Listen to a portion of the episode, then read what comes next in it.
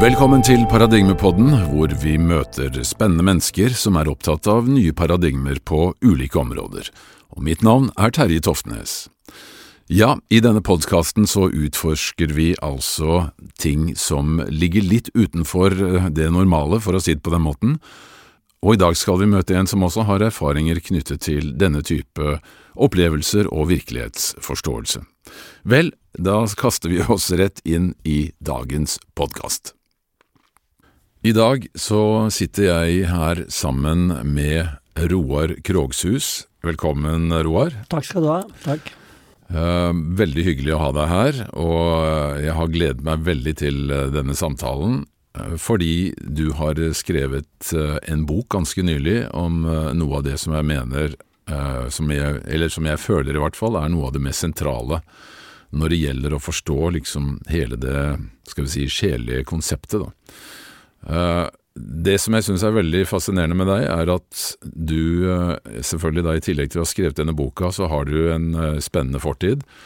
Utdannet siviløkonom opprinnelig. Du har jobbet mye innenfor næringslivet på veldig mange forskjellige nivåer med forskjellige typer bedrifter og, og så videre så så du har liksom en, en veldig sånn type jordnær, materialistisk, i gåseøyne, skal vi si basis, eh, samtidig som du eh, i løpet av livet da har eh, eh, utforsket mye av det som eh, ikke så veldig mange, kanskje siviløkonomer, eh, vanligvis gjør.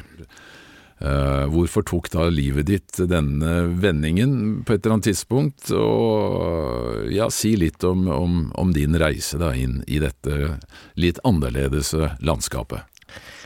Ja, det som jeg opplevde var min vei, var jo å bli økonom, og jeg, etter å ha fått utdannelse i Bergen i 69, så flytta jeg til Oslo. Og sammen med et par andre av medstudentene så hadde vi et bokollektiv eh, i Oslo, og hadde bare én tanke i hodet sånn karrieremessig og interessemessig da. Det var jo å eh, ja, jobbe i næringslivet og ha et spennende liv og gifte meg og sette barn, eh, og, og kort sagt eh, ta del i den eh, voldsomme optimismen som var. Vi hadde nettopp funnet olje og videre. Men så ble eh, den tilværelsen med overgang fra student til virkeligheten Jeg hadde et ganske stort ansvar innenfor eksport og reiste mye, og det var mye å omstille seg fra eh, bøker og teori til praktis, praksis. Så eh, det, det ble en stor eh, overbelastning, for å si det rett ut, som gjorde at jeg eh, måtte finne en vei til å roe meg ned og få fokus, og jeg eh, havna da i eh, meditasjonsmiljø og lærte meg transcendental meditasjon. Det var jo veldig skal vi si, inn på 70-tallet, dette med Akem og Ja. Indiske guruer og røkelse og alt dette her. Ja, og, eh, og da eh, eh, havna jeg i, det miljøet, men det viktigste som skjedde da, var jo bare at jeg lærte meg meditasjon, Ja. og flytta ut fra det ungkarskollektivet og roe meg litt grann ned. Men, så, så i, i denne mystikken rundt eh, det å få et mantra og det å eh, skjønne at det er Vi har et liv på innsida. Altså, det åpna en nysgjerrighet for mere, og så var det en del tidsskrifter i den tida, annet Det ukjente. Så Ja. eh, det var vel da jeg, jeg kobla meg på og ble på en måte splitta i en sånn praktisk jordnær bit og en åndelig nysgjerrig bit. Så det var da det begynte. Ja. Men eh, for veldig mange så, så er jo du uh, egentlig mest kjent for å være astrolog.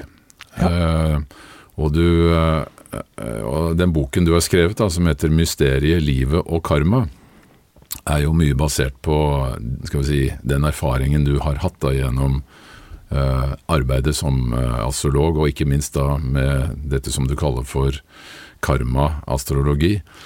Um, så hvorfor uh, Ja, fortell litt. Hvor, hvorfor havnet du inn der? Altså, hva, var det som uh, dro deg inn, um, eller som fengslet deg da, med astrologien?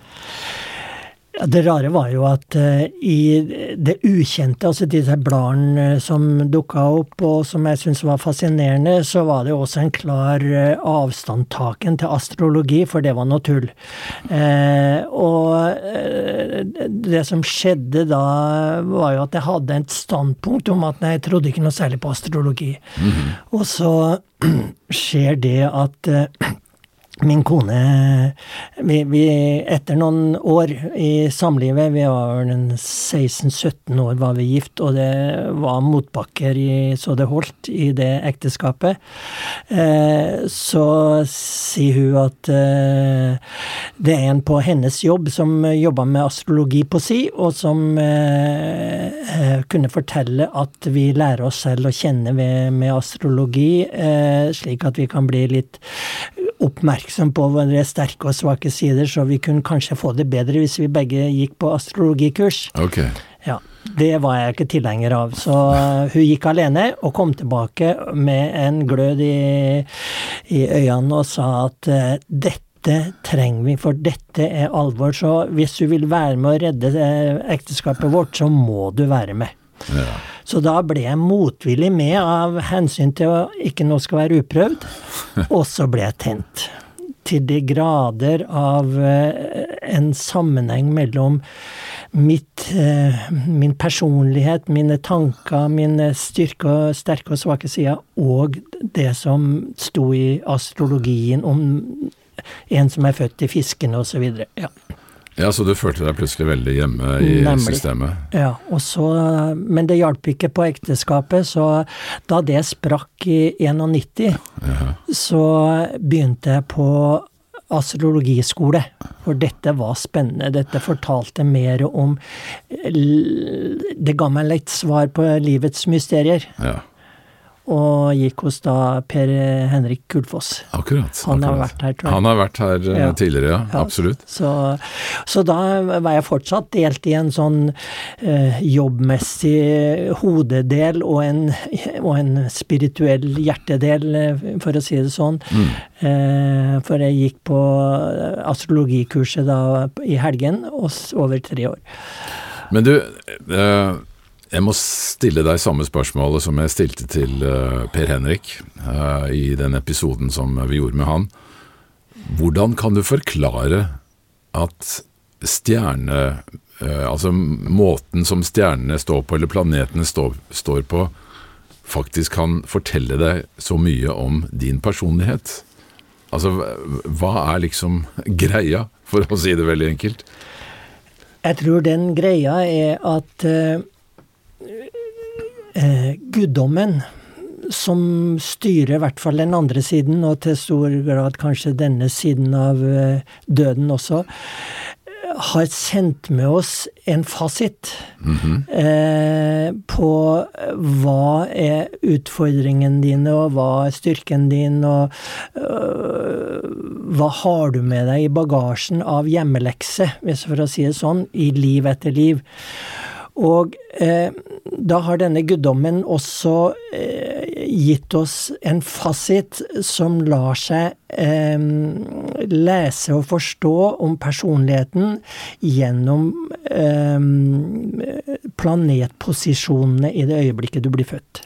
Men altså, hvor er logikken her? Altså, hvor, hvorfor har planetene noe å si på, på dette? Liksom det er det, de, altså I hvert fall de som ikke er inne i astrologien, Altså det Skeptikerne da bruker det som argument at det, dette kan jo ikke ha noen sammenheng. Liksom. Nei, det er ikke logisk, men på samme måte som at vi, eh, får, vi har med oss eh, oppgaver og utfordringene i livet, så har eh, ja, jeg bruker igjen guddommen eller alt det mm. eh, gitt oss en anledning til å forstå hva vi egentlig har gjemt i vårt indre, gjennom at det kan tolkes av, eh, eh, av eh, stjernebildene, men, men, men, også gitt oss, med, gitt oss muligheten til å kjenne livet vårt, eller utfordringene, gjennom bl.a. håndavlesning. Slik at det er det, noe av det samme, og jeg vil si det er en tredje kilde til å forstå seg selv på, det er å, å følge intuisjonen og bli klar over at det dukker opp eh, evner og impulser som egentlig er meninga at man skal forfølge. Mm.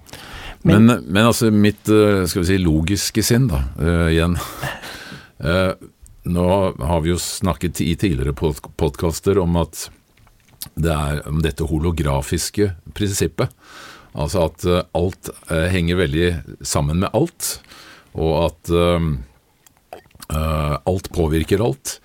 og at det er altså både kraftfelt og energifelt osv.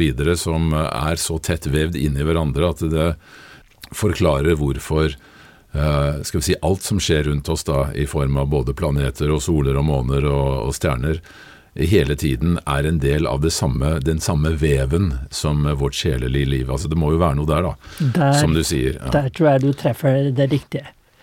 Ok, men det som du uh, også har uh, jobbet med, det som uh, du kaller for karma-horoskop, hva er det for noe? Ja, det er eh, kort fortalt sjelens eh, behov for utvikling i dette livet, mens det tradisjonell astrologi dreier seg om dette livets eh, personlige utfordring osv., mens karmisk astrologi tar utgangspunkt i hva du har klart å opp opparbeide eller utvikle deg i tidligere liv.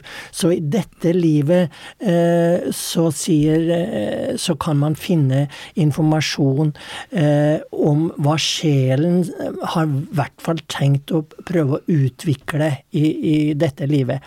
Så Vanlig astrologi eh, snakker om forutsetningene, hva vi har med oss av bagasje og mm. styrker og svakheter. Men, men, vi kommer jo ikke fra en blank fortid. Altså reinkarnasjon er jo en klar forutsetning og forståelse for all astrologi. Slik at vi kommer jo ikke fra ingenting når vi blir født på ny. Mm. Vi har en del andre liv bak oss hvor vi har utviklet oss eller gått på trynet eller gjort store feil. og øh, i, i karmisk astrologi så sier man eh, Så kan man lese akkurat i det samme fødselshoroskopet, så kan man lese hva er det jeg har rota med i tidligere liv som ikke har fungert, og hva har jeg tatt med meg som fungerer. Mm. Og så, slik at det er en klar sammenheng mellom det du har valgt å jobbe med i dette livet, for jeg tror man har vært med å lage seg sjøl en plan mm. eh, før man blir født. Det har sammenheng med hva vil jeg ta tak i i dette livet for å tilfredsstille ønsket om å utvikle meg, bli ferdig med ja, svake sider, ja, toleranse, kjærlighet, forståelse osv. Mm. Men uh, altså, nå har vi kastet oss ut på dypt uh, vann her, fordi det som uh, du nå implisitt sier, er at sjelen er udødelig av natur. Ja. det sier jeg, og det tror jeg på. Ja, og at reinkarnasjon er en del av dette, altså en naturlig følge av det konseptet. Um, så er jo da spørsmålet, altså hvis det er sånn, som du sier, uh, og er jo, du er jo ikke alene om det, det er uh, Jeg må nesten fristende å vise til en sånn uh, undersøkelse som du også hadde i boka di. Uh, hvor det var gjort uh, Det var vel i, 19, nei, i 2017 at det var gjort en svær sånn uh, skal vi si holdnings- eller ja, på europeisk basis, mm. hvor man i veldig mange land spurte folk om uh, ulike ting knyttet til det å, å leve som menneske, mm. og hvor det kom frem at det er altså over 100 millioner mennesker i Europa som mener at uh, reinkarnasjon er ja. uh, At det er, det er, sånn det funker. og vi hadde jo også altså den tidligere, De første utgavene av Det nye testamentet, da, som var skrevet 80-100 eh, år etter Jesus død, i hvert fall ifølge historien, så mener man jo også at det var en del av uh, det som ble fortalt der, men det ble da fjernet av denne keiser Konstantin i år 325 eller noe sånt, hvor de skulle lage, redigere Det nye testamentet. Så, sånn at kristendommen på en måte har tatt det ut av sitt narrativ. Men uh, du mener nå at det er på tide å slå fast at dette er sånn det funker? Ja, fordi jeg tror at det er viktig at folk eh, på denne kloden eh, skjønner at eh, de får tilbake nye liv som har en viss sammenheng mellom det livet man lever i dag. Så det er en genial mekanisme eller en likevekt eller en ja, mekanismer, kan du si, eh, lovmessighet eh, fra skapelsen at det du sender ut, kommer tilbake til deg. Ja. Så du kan velge da om du skal være umulig, eller om du skal vise godsida og ikke vrangsida. Mm. Fordi det kommer tilbake til deg. Og hvis, hvis, hvis Kirken kunne eh, predike det, og oppfordre til å ta ansvar for sitt neste liv eh, gjennom sin atferd nå. Hvis de hadde sagt at eh, det tror de på, så tror jeg det kunne påvirke både eh, miljøet vårt på denne, og personlige uh, utviklinger, og, mm. og, ikke minst hvordan kloden vår er på vei til å bli, ja, dessverre Ja, der tror jeg du er inne på noe særdeles vesentlig mm. at uh, fordi vi ikke tror på dette, mm. uh, og tror at vi bare lever én gang, mm. så uh, er det jo mye større Altså det er jo sannsynlighet mye større for at man er veldig fokusert på å kun sikre seg selv og sine nærmeste og karre til seg mest mulig mens man er her i dette ene livet. Mm. Men, men, hvis man ser at dette er bare en del av en lang, lang serie med ting som er en del av en utvikling, Eh, og du har jo også skrevet i boka di dette sitatet til eh, Deepak Chopra, Den indiske legen som, som, også da selvfølgelig står for denne måten å se det på, hvor han sier vel også at uh, karmaloven krever at alle sjeler må skape balanse i atferden sin for å oppnå sjelelig vekst, også at enhver handling skaper en kraft som gir tilbake med samme mynt. Det vi sår, er det vi høster. Ja. Uh, men hva skal til, da, for at, uh, at denne skal vi si, måten å se verden på kan få noe større utbedring? Utbredelse, mener jeg. Ja. Så lenge autoritetene til informasjon og læring om religion og det åndelige egentlig beholdes av kirken og pavestolen og eh, de ulike religionenes eh, overhode rundt omkring, mm. så er det de som må eh, tillate at man eh, åpner opp for denne muligheten. Og jeg skriver jo at eh, kanskje burde Vatikanet og pavestolen eh, gå litt inn i sine arkiver, som er sikkert fulle av notater fra mange hundre år tilbake, og si at vi har tatt feil. Mm. Så skal vi redde denne kloden, så, så, må vi legge om, for vi kommer tilbake til eh, fremtiden. Mm. Og da kan det være greit å ha det bedre forhold enn de verste scenarioene som ligger foran oss i dag. Mm. Men dette at uh, sjelen altså da er udødelig av natur um, Så er jo spørsmålet hvorfor, hvorfor velger vi å være på denne planeten her, da? Uh, i et liv, i liv etter liv? Altså Hvis dette er et, et, uh, et lærested, da, eller et sted hvor sjeler liksom skal uh, konfronteres med alle tenkelige uh, utfordringer. Uh, som for så vidt virker logisk. altså Hvis du skal gjennom en prosess for å utvikle en forståelse da, for, for egentlig alt, så er jo sånn sett så, så er det klart at man må ha polariteter, ikke sant. At uh, hvis det bare var kjærlighet her, så er antagelig ikke vekstpotensialet så veldig interessant. Men det at man da lever i dette spenningsfeltet, mm. og også det at uh, vi er konstruert sånn at vi faktisk uh, i enkelte tilfeller uh, kan velge å gjøre ting som er veldig vonde og skadelige for andre, så, så gir jo det Altså det jeg har ofte tenkt at hvis jeg var Gud, og skulle eh, skape en slags opplevelsespark, da, hvor du har muligheter til å møte alle typer utfordringer for å kunne eh, lære å vokse, så kan det hende at dette er det ultimate stedet. Er, er du enig i det? Ja, det, det, det, er en arena hvor du kan velge. Jeg tror vi har blitt gitt fri vilje. Ja. Og, og, så får vi mange fristelser eh, til å krige eller å gjøre det motsatte. Så eh, ved å for, leve ut sitt innerste mm, sinne eller kjærlighet eller hva det nå måtte være, så skal du få lov til det.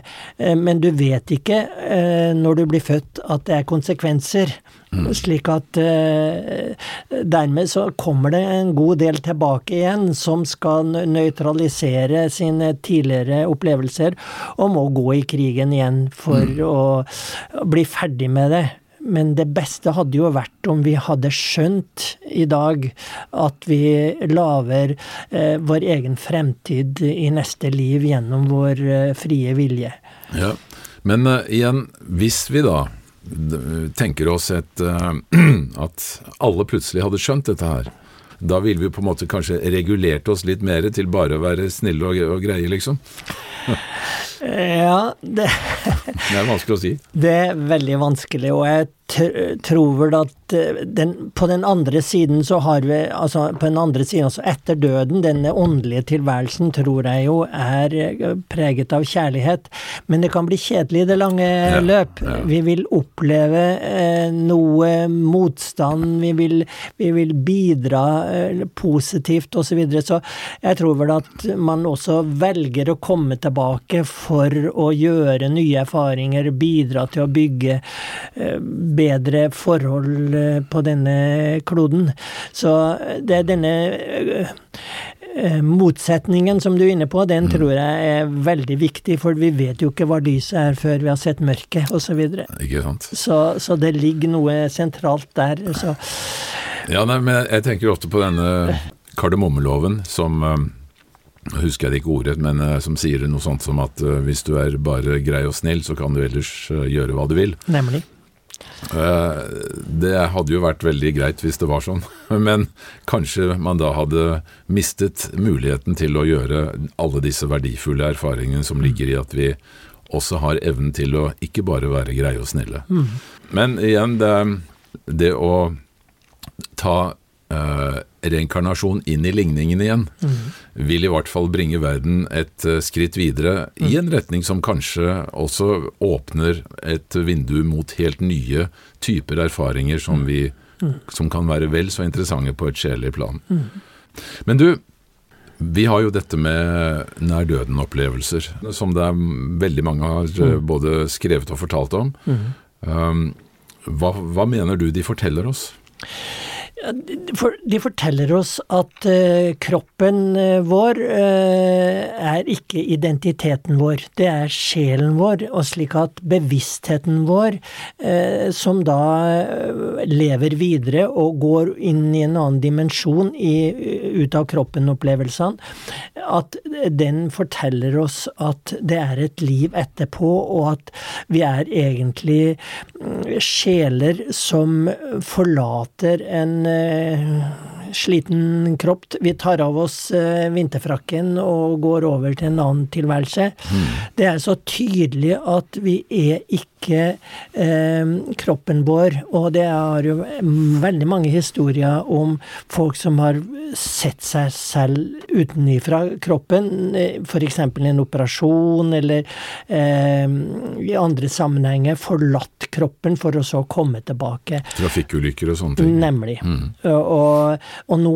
uh, har jeg jo lest om at det uh, forskes i visse um, sykehus, operasjonssaler, hvor de har på øverste hylle lagt tall, slik at den som går ut av kroppen, kan fortelle at de har vært Det kan bevises at de har vært oppunder taket mm. og sett. Men det er jo kommet mange historier om navn på leger og hva som skjedde, og det som Det forteller at bevisstheten, hukommelsen hukommelsen, følelsene, eh, blir med eh, selv om kroppen er død. Mm.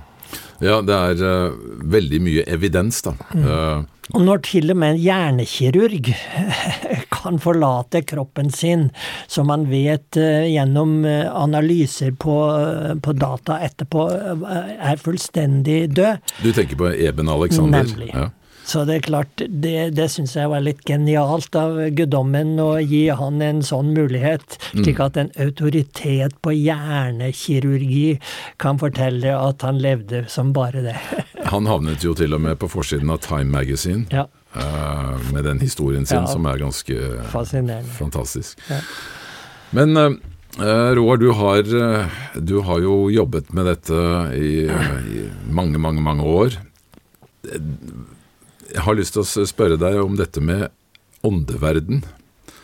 Eh, det er mange som hevder at eh, det er ånder rundt oss, eller avdøde mennesker, eller altså til og med sånne litt høyere typer eh, Skal vi si ikke-fysiske vesener, som både kan vise seg, og også vi kan kontakte.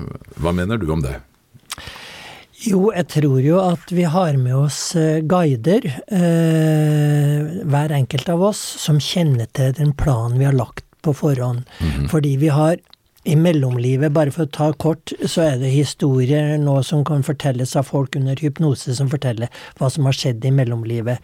Eh, hvor man planlegger li livet eh, utvikling, og, og, og, det er sjeler som har fulgt oss i, i mange liv, altså entities eller hva skal jeg si, ånder, mm -hmm. engler, you name it, eh, som, som, ønsker å guide oss videre eh, i det livet vi har valgt. Mm -hmm. Og og jeg ser for meg at eh, når vi har englevakt i visse situasjoner, som, så er det fordi tiden vår for, fordødende overgang ikke var kommet, og, det, og slik at det er noen som passer på oss at vi skal få de erfaringene.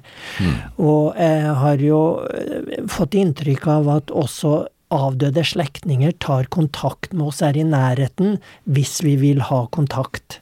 Altså du må be om det? Du må be om det, ja. Mm. Mm. Må ha en intensjon, og jeg har jo da også havna i, i miljøer hvor vi egentlig eh, lærer oss å eh, finne eh, slektninger eller noen som kan komme gjennom og gi oss en beskjed mm eh, om spørsmål som vi lurer på, og ja, tilbakemelding. Uh, kanalisering er kanalisering. et stikkord her. Ja. ja, det er det. Uh, enkelte psykiske medier har større evner enn andre til å, å opprette sånne kontakter. Ja. ja. Og jeg har jo selv fått lov til å øve meg i det, om det er mulig for meg å eh, få kontakt med, det, med avdøde og, og, og, formidle et budskap. Mm. Men det betyr da at avdøde mennesker fremdeles Uh, eksisterer da i et slags parallelt uh, bevissthetsplan. Ja. Uh, men allike, altså med å ha beholdt sin identitet, da. Jeg mener Hvis du skal få kontakt med din bestefar, så må jo liksom hans identitet på en måte fremdeles være intakt, i hvert fall deler av den, slik at Uh, han fremdeles er din bestefar, liksom. ja, bevisstheten uh, hans fortsetter jo å eksistere. Mm og, har, og jeg tror jo at våre forfedre følger med oss i livet, men eh, har ikke muligheten til å, å, å gripe inn, men kan formidle noe. Og det, det, har jo kommet en del bøker i det siste som til og med leger har etablert kontakt med den andre sida og har kommuniserer med en avdød sønn, blant annet. Mm. Kjenner til Erik Erik eh, Erik Medhus, tenker Erik, du på? Erik Medhus, ja. ja. ja. Nei, Det er jo også en veldig fascinerende historie. Ja. Og jeg må da skyte inn at Ragnhild og jeg for noen år siden var og mm. besøkte den familien i mm. Houston, Texas. Mm. Og laget et, et intervju med, med, både hun Elisa og også mm. mannen Rune. Han er jo for øvrig norsk, da, mm. fra, oppe fra Hallingdal. Eh, men, eh, men, det var jo et utrolig tilfelle fordi at hun hadde en sånn veldig god kontakt da, med han, og har det faktisk fremdeles, selv om det nå er ti år siden han døde. -hmm. og hun har jo skrevet to bøker hvor han forteller om hvordan det er på den andre siden. Du har sikkert lest det? Ja, ja, ja. Og det er en veldig sterk historie som jeg kunne se på videoen som du hadde spilt inn. Du blir jo overbevist at hun mm. hadde jo virkelig møtt han uh, omtrent fysisk. Mm. Så, så, bevisstheten fortsetter på den andre sida, og har mulighet til å eh, bli kontakta på den ja, mm. i visse sammenhenger. Ja. Men det virker som at uh, man ikke blir kontaktet nødvendigvis, som du sier, uten at man ber om det. ikke sant? At det er en mm. slags uh, gyllen uh, det, er, det, er, noen spilleregler her. Ja. Men så har vi jo da eksempler på at noen mener at de er nærmest besatt av en avdød sjel, som mm. kan overta uten at de egentlig vil. hva skal man tenke om sånne ting? Jeg har vanskelighet for å tro det, eh, men eh, Altså Vi snakker jo om sånn djevelutdrivelse og alt nei, dette her, ikke sant? Nei, nei, nei, nei. Der, der er ikke jeg med. Der, det, det, har jeg vel egentlig ikke Jeg har vendt det slike tema ryggen, nei. Mm. Uh, og uh, jeg har, har, jo lest at f.eks. avdøde alkoholikere vil gjerne være i nærheten av andre uh, i, alkoholikere som lever. Mm. Mm. Uh, men nei, jeg syns at dette er et veldig vanskelig tema. Ja, vi har jo en, en viss person som er på vei inn i deler av den norske kongefamilien, uten å nevne ja, navn. Ja. Vel, sjamanen selv, mm. han, um, han, er jo veldig tydelig på dette at når barn f.eks. da har en litt for bisarr oppførsel, så, så er det en annen sjel som uh, har tatt over kontrollen. Forferdelig. Jeg er helt uenig. Jeg syns det var en guffen uh, historie å lese, og jeg skjønner ikke at han Nei, jeg tar fullstendig avstand fra, fra hans måte å, å mm. tenke på. Ja, nei, dette er jeg ikke med på. Men vi har jo alle frie valg, og vi har fri vilje, så alle yes. må jo også kunne uttrykke det de mener og føler, selvfølgelig. Ja, ja. I hvert fall i dette samfunnet, da, gudskjelov. Mm. Mm. Men uh, en annen ting, uh, Roar, som uh, du selvfølgelig er blitt veldig kjent for, også i denne boka di, er jo at du selv mener at du har levd et uh, liv uh, til en veldig kjent person her i Norge. I hvert fall at du har sterke forbindelser med den uh, skal vi si, sjelelige strukturen. Roald Amundsen. Ja. vil du si litt om det? Det starta med at eh, jeg havna Eller lærte meg om karmisk astrologi, som da forteller eh, litt om hva, hvilke egenskaper hadde jeg i mitt forrige liv mm. Eh, som jeg burde skjerpe meg og, og legge bort. Og det var at jeg var meget dominerende, erobringsklar og, og var litt guffen og, og, og Eh, vanskelig person, men, men, hadde behov for å, å, være på topp i de fleste eh, tilfeller. Slik at i dette livet, eh, fortalte eh, kunne jeg lese av karmisk astrologis tolkninger, så, så, i dette livet så må jeg roe meg ned og, og opp og, og, gjøre erfaringer på en helt annen måte. Mm. Så tenkte jeg at eh, ja vel, hvis jeg har vært det, så har jeg i hvert fall klart å holde meg unna det i dette livet, og så tenkte jeg ikke noe mer over det. Eh, og så eh, Jeg hadde ikke noe forhold til Roald Amundsen overhodet, dette var i 1991. Eh, så skjedde det at jeg tilfeldigvis får en mulighet til å reise til San Francisco i 97. Mm.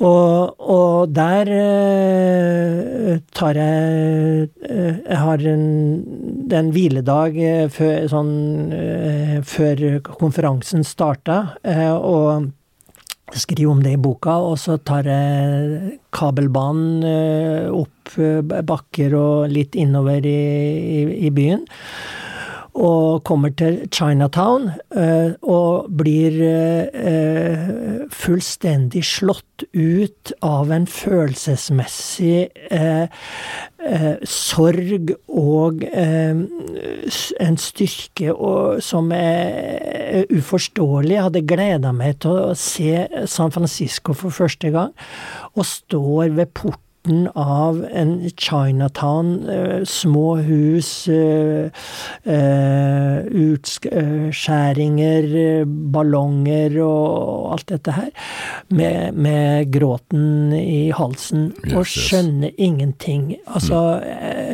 et fullstendig omslag i følelseslivet mitt som jeg ikke forstår noe av. Og ja, hva har det med Roald Amundsen å gjøre? Overhodet ingenting, tenkte jeg. Eh, og jeg hadde jo ikke noe forhold til den personen. Men så tenkte jeg eh, også da at jeg trodde jo på tidligere i livet, hadde lest så mye om dette. Ok, da har jeg vært en kineser i et tidligere liv, da, som mm. jeg kjente meg igjen, og at dette var en opplevelse av et minne fra en tid som kineser, mm. tenkte jeg. Ja, for Chinatown i San Francisco er jo nesten som en uh, ren kinesisk by. Mm. Altså Det er jo veldig mange kinesiske innvandrere som, som har kommet over over Stillehavet og etablert seg der. ikke yes. Så, så det, det er liksom Lille-Kina da i USA? Helt ja. riktig, ja. Og, og, da tenkte jeg ikke mer over det. Og så eh, går det tre år, og hvor jeg tilfeldigvis eh, igjen eh, ser på et program på eh, norsk TV, en dokumentar om Roald Amundsen. Eh, som eh, jeg syns var interessant. Han er jo en stor helt. Mm. Og, og, der eh, opplever jeg at det vises negative sider av han. Ikke bare det, det, positive han har gjort. Han var jo en fenomenal fyr til erobringer og utforskning. Men men da det kommer på slutten her, og hvor det, hvor, hvor det blir kjent at han gikk personlig konkurs, mm. så reagerer følelsene mine akkurat på samme måte som i San Francisco. Yes. Jeg blir satt ut. Eh, eh, tårer. Eh, hodet er kobla ut. Det er bare følelsene som rister i meg omtrent, og jeg skjønner ingenting. Jeg sitter bare og følger med, og så får jeg et omslag som er uforståelig. Og så tenker jeg Eller så slår tanken inn Karmahoroskopet sier at jeg kan ha vært da en meget eh, eh, dominerende person, eh, hadde eh, stor kraft og skulle eh, ha, være på topp og alt det der. Og flere andre ting ved fortellingen i karmahoroskopet om mitt forrige liv og egenskapene mine da, mm. plutselig med Amundsen. Samtidig som jeg ble livende redd for kritikk. Dette må ikke komme ut. Jeg orker ikke å eh, bli utsatt for eh, sjikane og eh, Latterliggjøring og alt det der. Latterliggjøring, da. Mm. Og det sto også i karmahoroskopet mitt at Eh, jeg var redd for å bli berømt igjen. Jeg, var, jeg, var, jeg omkom i en flyulykke. I mitt forrige liv sto det også eh, skrevet. For han døde jo da på Nordpolen. F Flyet hans, Latham, forsvant når han lette etter han mobile der oppe, ja, var det ikke Ja, stemmer det. Og det visste jeg. Mm. Og plutselig så var det masse egenskaper ved Amundsen som jeg nettopp hadde blitt vist i dette programmet, og en sammenheng med karmahoroskopet, som kom til meg ved en tilfeldighet. Mm. Og da tenkte jeg oi, kan det være tilfellet? Uh, og da Det var en sånn oppriktig erkjennelse at dette kan være tilfellet. Så uh, Og frykten for å bli berømt igjen, eller og latterliggjort, den var så sterk at dette skulle jeg holde for meg sjøl. Mm. Men eh, du nevner jo San Francisco først. Ja. Eh, Så må vi også da nevne at eh, i San Francisco så står det jo faktisk en svær statue av Roald Amundsen. Å, det visste jeg ikke. Fordi den første ekspedisjonen hans, altså på Nordvestpassasjen, hvor han prøvde å seile altså nord for Canada, og så, Mhm. Førsten i verden. men i hvert fall de endte i San Francisco. Ja. Med, de hadde jo en sånn liten, relativt liten seilskute. Og den eh, skuta ble jo stående der veldig lenge, i mange, mange mange år. Nå står den jo på dette museet på Bygdøy. Men, eh, men jeg, jeg har vært og sett den derre eh, statuen som st står fremdeles der hvor den båten sto utstilt da, i San Francisco ganske lenge. Så poenget mitt er at Amundsen hadde også en dyp foran forankring til den byen. ja. Så dyp at det altså da står en svær statue av han der. Så jeg vet ikke om det hadde noe å gjøre med din opplevelse i San Francisco. Nei, for det første som jeg tenkte etterpå, er det sammenheng mellom min reaksjon over eh, Amundsens eh, litt frynsete liv eh, og eh, San Francisco-opplevelsen? Så tenkte jeg, har han noe, i hele tatt vært i San Francisco? Jeg har aldri hørt at eh, Amundsen hadde vært i San Francisco. Eh, slik at eh, da ble jeg litt nysgjerrig. Har han vært der? Og han har vært der ikke bare én gang, ikke to ganger, men minst tre ganger, og blitt tiljubla som en mm. verdensstjerne. Så da, og, da, og det viser seg også at um, Chinatown så li, nesten likedan ut da han var der i, på begynnelsen av eh, det 19. århundre. Ja. det, Men igjen, altså øh, Er det andre sider ved hans personlighet som Altså Du nevnte dette med at uh, han selvfølgelig da døde i en flyulykke, at han var veldig ambisiøs, at han var dominerende, som du har da fått frem i ditt karma-horoskop, at kan ha vært også noen av dine personlighetstrekk i et tidligere liv. Uh, men han opplevde jo også uh, skal vi si, en slags form for fysisk eller psykisk avvisning av mange, ikke sant? Og, eller han sviktet mange, da, for å si det sånn. Eh, mange føler, altså Spesielt Hjalmar Johansen, som da var eh, kompanjongen til Fridtjof Nansen. Eh, det ble jo en svær konflikt mellom Hjalmar Johansen og Amundsen, fordi eh, Amundsen ble eh, beskyldt for å svikte de da, i en ganske sånn kritisk situasjon nede på Sydpolen. Så han var jo han var veldig kontroversiell da, på mange måter. Eh, men det har du kjent igjen, eh, mener du? Ja, fordi eh, jeg begynte å undersøke litt nærmere om hans liv, og satte meg inn og fant en del bøker om det. Og Amundsen var virkelig stygg mot Johansen etter en konflikt som jeg skriver om i boka også. Og, og så viser det seg at jeg hadde også en konflikt med faren min, og, og da Og det var i en sånn ung alder at eh, jeg hadde en sånn eh, Det slo inn en, eh, en sånn kampvilje. Hvordan skal jeg ta igjen mot eh, min egen far når jeg var 13-14 år? En vanskelig historie som skjedde. Så sier jeg da skal jeg eh, praktisere avvisning. Så den, den lå lett opp i alternative maktkampvirkemidler for meg.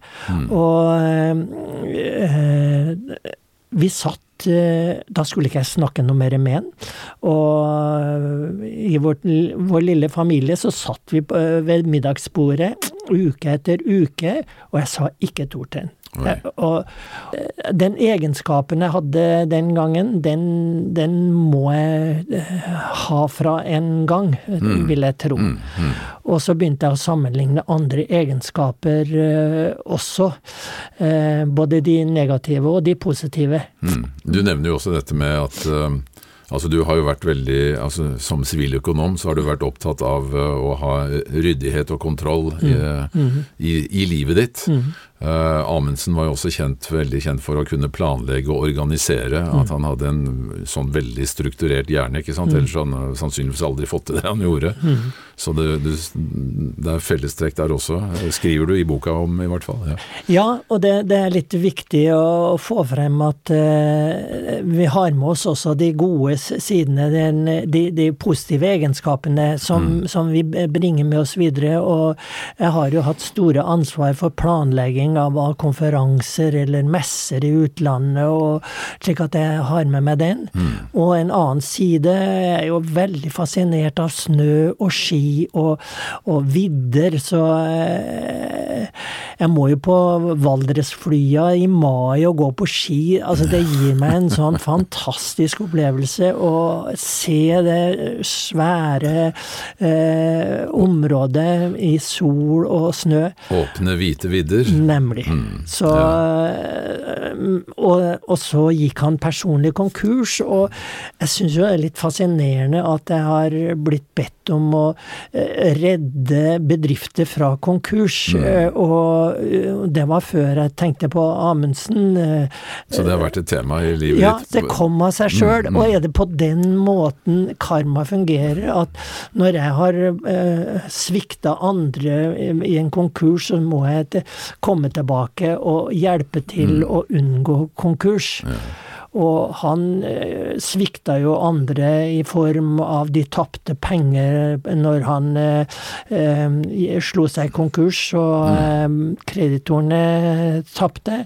Og jeg har også havna i situasjoner hvor jeg har tapt store penger. Mm. Er, det, er, er det en karma har en nøytralisert eh, Amundsens eh, dårlige mm. behandling av andre eh, kreditorer mm. ved å, å, også tape dette sjøl. Ja, han var i hvert fall ikke verdens mest uh, solide investeringsobjekt, for å si det på den måten. Nei. Så, nei, men det er jo nei, det er fascinerende. Men um, den endelige bekreftelsen den får man kanskje ikke før man uh, forlater denne fysiske kroppen og, og, gjenforenes med sitt uh, høyere selv, for å si det sånn. Nemlig. Det er det jeg tror, så Men du, jeg har lyst til å snakke om én ting til før vi uh, gir oss. fordi altså, du har jo I hvert fall når jeg leser boka di, så skjønner jeg at du har levd et, et veldig skal vi si, innholdsrikt liv på mange måter, både med positivt og negativt fortegn. Eh, du er jo i dag en, eh, en moden mann, eh, godt opp i 70-årene, selv om jeg også vet at du fremdeles er en aktiv fotballspiller på fritida. Det, er, ja, det, er, det sier litt om også den, din fysiske styrke, da, som du sier du elsker å gå på ski fremdeles og alt dette her. Men, men det at du Du skriver også at du i lange tider alltid prøvde å se positivt på uh, utfordringer og motbakker. At det, at uh, det var liksom måten, måten, å møte livet på, eller møte utfordringene på. Det var alltid å ta på seg uh, the good face, ikke sant. Ja. mener du det fremdeles, at det er viktig? både ja og nei. Ja, fordi i utgangspunktet så skal man se det positive i det. Nei, eh, i form av at eh, man må tenke gjør det det meg godt? Er, det, er jeg ærlig mot meg sjøl? Eh, jeg har jo vært veldig flink til å, å fortrenge vonde følelser og eh, ikke sette ned foten når noe har vært skikkelig vondt. Og, og det har jo straffa seg, når jeg lurer, prøver å lure kroppen ved å tenke positivt når det egentlig er pyton, det jeg opplever. Mm. Så, um, jeg har, uh, så det er riktig å si at uh, en, en, sånn grenseløs, betingelsesløs positivitet fører til, etter min mening, uh, at kroppen slår ut i form av sykdommer, og jeg fikk jo erfare det sjøl, at jeg svikta meg sjøl og mm. fikk eh, noe som ja, eh, hudproblemer i den forbindelse, og jeg tror det er en klar sammenheng. Mm. Men på den annen side så er det jo også sånn at vi tiltrekker oss det vi tenker. Jeg mener hvis vi tenker bare mørke tanker, så mm. har vel livet også tendens til å kanskje bli litt mør mørkt. Ja. Eller, og, og, motsatt. Ja. Det er det. Så eh, jeg er helt enig med deg i at eh, det, vi tiltrekker oss det som vi er opptatt av, som vi fyller hodet med av tanker og sånn. Så vi er nødt til å jobbe med å se positivt på det også. Mm. Men det er denne grensen hvor man ikke kjenner etter hvor vondt ting gjør, mm. ved å være med på det som andre foreslår eller mm. ligger av utfordringer. Mm. Så eh, jeg har jo selv brukt dette med å se positivt, selv om jeg har opplevd å stå på bar bakke bokstavelig talt i, i, i, godt over 60 år gammel.